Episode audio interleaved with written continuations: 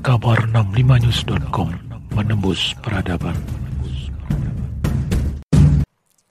Kita saat ini berada pada era keberlimpahan informasi. Setiap orang dapat dengan cepat memperoleh informasi. Setiap orang dapat dengan mudah memproduksi informasi. Dan setiap orang dapat dengan segera menyebarluaskan informasi.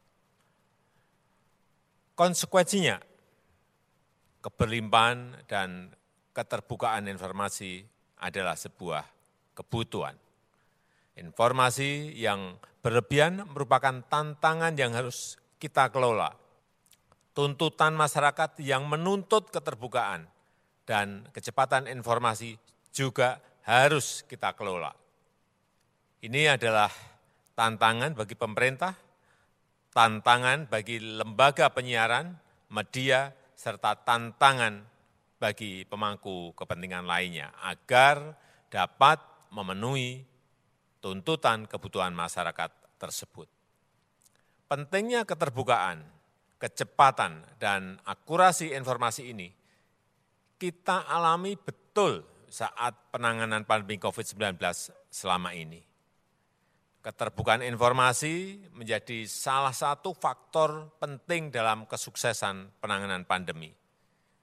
Alhamdulillah, dengan informasi yang terbuka, transparan, akuntabel, bertanggung jawab, serta kerjasama antar semua pihak, kita bisa eh, segera membuat situasi kondusif dan terukur dan pemerintah dapat segera mengambil kebijakan yang tepat.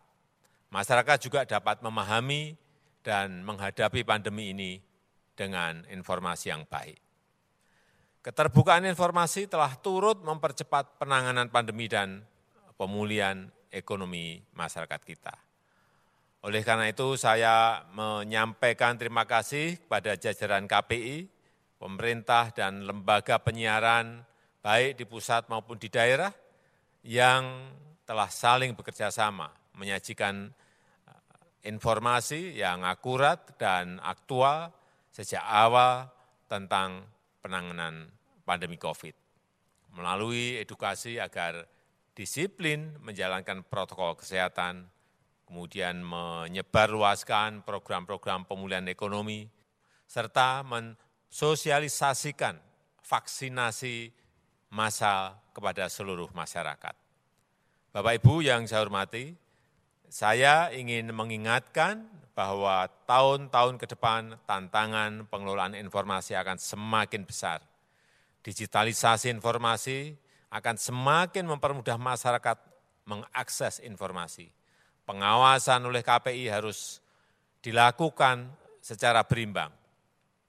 Kita harus sama-sama menjaga agar masyarakat bisa memperoleh informasi yang akurat, berkualitas, dan edukatif meningkatkan literasi informasi kepada masyarakat dan mengembangkan kanal-kanal baru yang kreatif agar diminati masyarakat untuk memperoleh informasi yang sehat dan akurat.